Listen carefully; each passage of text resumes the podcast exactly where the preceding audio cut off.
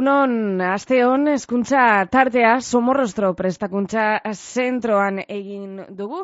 Zentroak DBH bat zilergoa erdi maiako zikloa eta goi maiako zikloak eskaintzen dauz. Ikasleek hainbat proiektuetan parte hartzen dabe, euren artean STEAM proiektua eta bitartekaritza partekatua.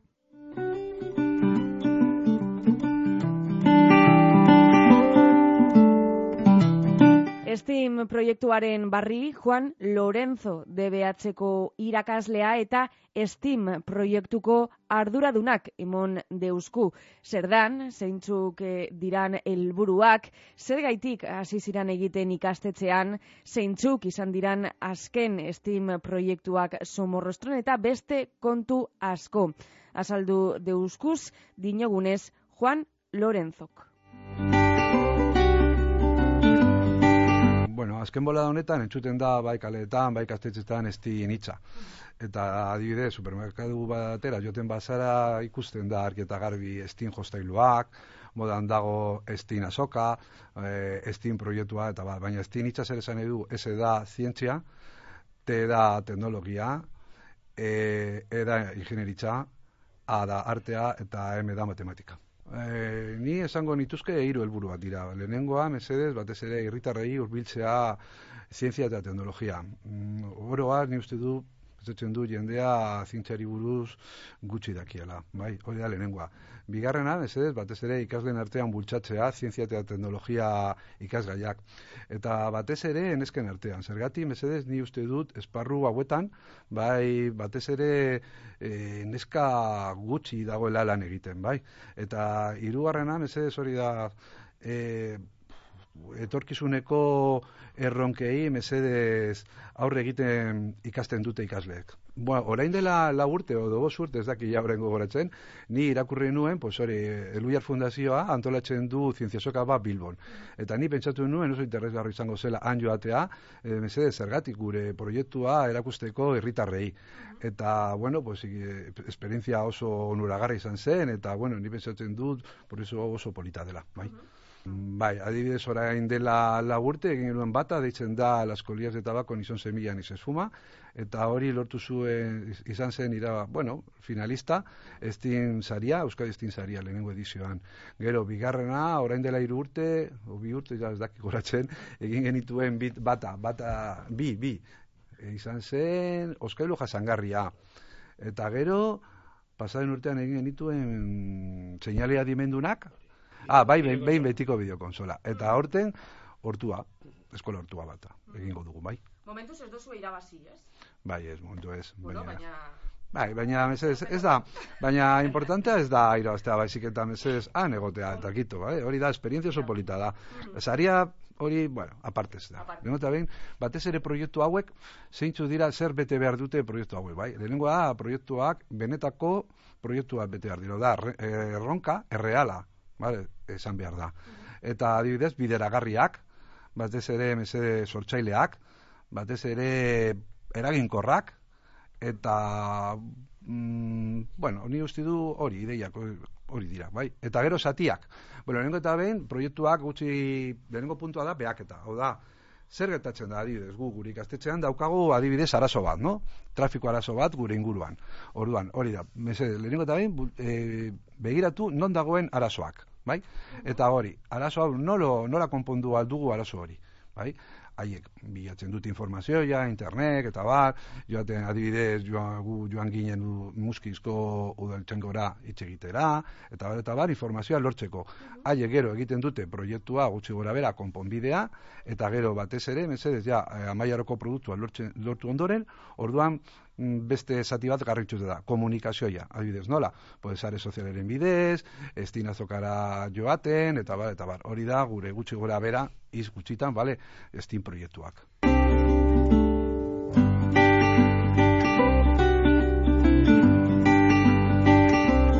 Bestalde, Steam proiektuan parte hartzen daben ikasle batzuekaz be berba egin dugu.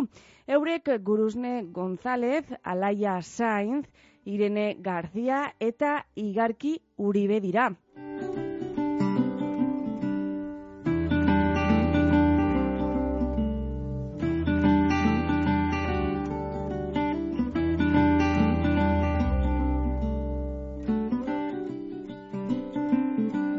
Proiektu honen balorazioa egin deuskue. Kontau deuskue be, zer izan da gehien gustaten jakena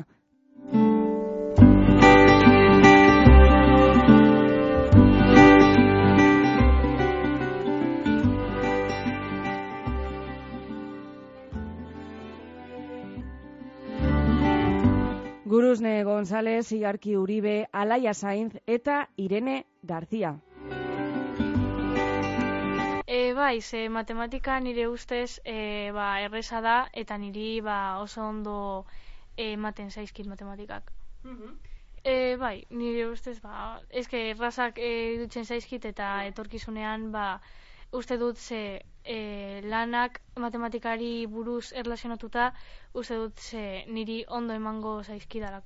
E, bai, baina oraindik ez dakit zehatz mehatz pentsatuta, baina oso ondo ematen zaizkidanez eta e, asko gustatzen zaidanez, ba, horrelako arloetan ba, lan egitea gustatzuko litzaidake. Maizu adibidez? E, adibidez, bai. Adibidez. E, proiektu hau oso esperientzia polita da, eta gainera e, ba, asko ikasten duzu e, gauzak egiten, eta ba, ere ba, taldean parteatzen eta hori.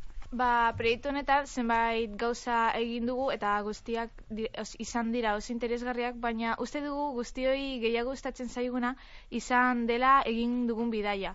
Ze, eluia zintzea zokan, ba, aparte hartu genuen eta hor e, bidaia bat irabazi genuen Galiziara eta ba, oso ondo pasatu ginen, ze pertsona asko ezagutu genuen, ere ba, e, ikasle batzuekin geratu ginen haien etxean lo egitera, eta ere e, zaria zen e, zientzia azoka batean ere parte hartzea, eta hor zenbait postu ikusi genuen, eta gauza berriak ikusi ikasi genuen. Bai, ze dago esperientzia asko egiten duzua, e, duzu, eta e, esperientzia oso ona da. Eta e, ikasten duzu ez bakarrik parte hartzean, ere ikusten besteen proiektuak asko ikasi eta ikasten duzu eta oso interesgarriak dira ere beste proiektuak.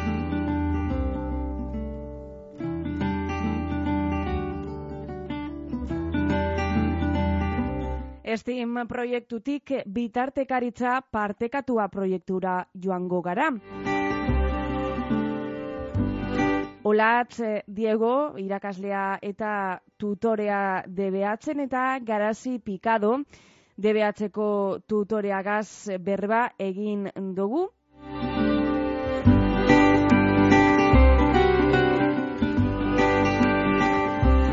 Ze asmoga sortu zen proiektu hau, zertan datza proiektua?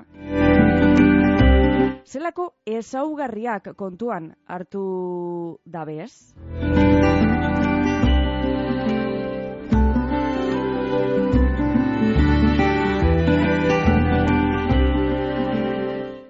Irakasle eta tutoreetatik aparte, parte hartzaile bibe eukidoguz, desire kainada eta aizea gartia dira.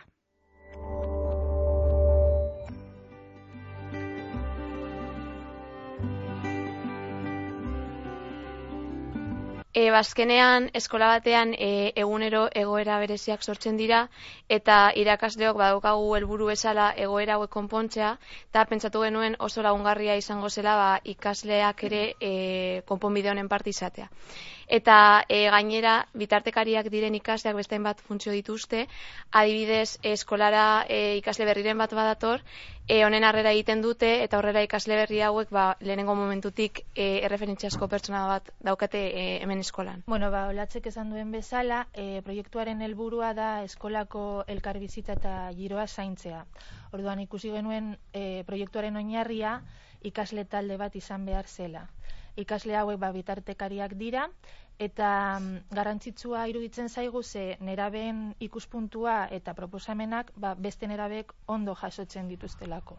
Ba, guretzako oso garrantzitsua zen e, DBH-ko maila guztietako ikasleak egotea, eta ere e, hainbat ezagarri kontuan hartu ditugu, adibidez e, ikasle empatikoak izatea, kide honak eta entzule honak, eta horrez gain bai, ba, haien esperientziak ere e, bitartekaritzaren e, momentuan eta prozesuan ba, lagungarri izatea.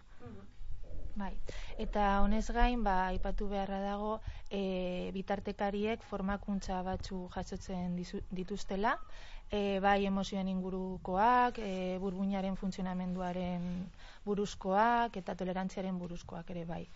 E, formakuntza hauek e, eskolako psikologoek prestatu dituzte eta irakasleak ere. Mm, Bazkenean, ba, e, tutoreekin bildu ginen, ez? Eta bai. e, gainera irakasle guztiok ezagutzen ditugu ikaslea gutxo gora bera. Orduan, ba, e, zei izan zen, zezkenean hainbat gauza kontuan izan behar ditugu, baina azkenean ez dakit, ba... Bai, a ber, e, tutoriak garen ez olatze eta biok e, ondo ezagutzen ditugu ba, gure klasekoek eta gero beste irakasgai ematen ditugunez ba, hori bere beraien ezaugarriak, e, pertsonalitatea pizka bat ba, jakiten, e, holan aukeratu genituen. Bai, erraza, baina ere bai e, izan behar dira ba, ikasle e, hori giza putzu onarekin bai hori da hori. E, bueno ba arazo bat edo egoera berezi bat antzematen denean ba bitartekaritza e, proiektuaren parte garen irakasleok ba arazo hau e, arazonen inguruan alik eta informazio gehien bilatzen e, saiatzen gara, arazoa aztertzen dugu, eta gero ba, erabakitzen dugu ze e, ikasle bitartekari den e, ba, oberen arazo hau e, konpontzeko edo konpontzen laguntzeko. Bai, hori ba, behin bitartekariak aukeratuta, elkartzen gara, ba, hori, irakasleak eta haiek, eta proposatzen ditugu hainbat konponbide ba, egoera horri aurre egiteko. Aukeratzen dugu konponbide aproposena, eta gero ba, egoeraren partaidekin elkartzen gara, eta konponbidea ba, e, maigaian jartzen dugu, asaltzen diegu, eta konpromesua hartzen dute ba, hori hobetzeko asmoz eta azken pausuan izango litzateke ba, e, egoera horren jarraipena egitea. Ba, bitartekariek ere hor laguntzen digute asko, ze patioetan ba, e, ikusten dute zer gertatzen den eta nola doan egoera hori. Mm, besteak laguntzea e, lagungarria da gure gure txako ere beste narazetatik ikasten dugulako. Honek nire burua laguntzen dit ezagutzen eta gainera gustatzen zaidon arlo bat ikusten dut eta gero etorkizuna honen inguruan ikasketak egiteko balio zait.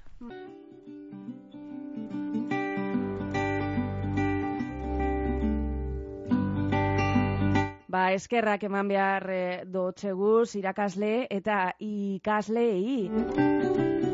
Juan Lorenzo Olatz Diego Garasi Picado Desire Cañada. Aisea García, Guruzne González Alaia Sain Zirene García eta Igarki Uriberi. Eskerrik asko eta urrengo ikasturter arte.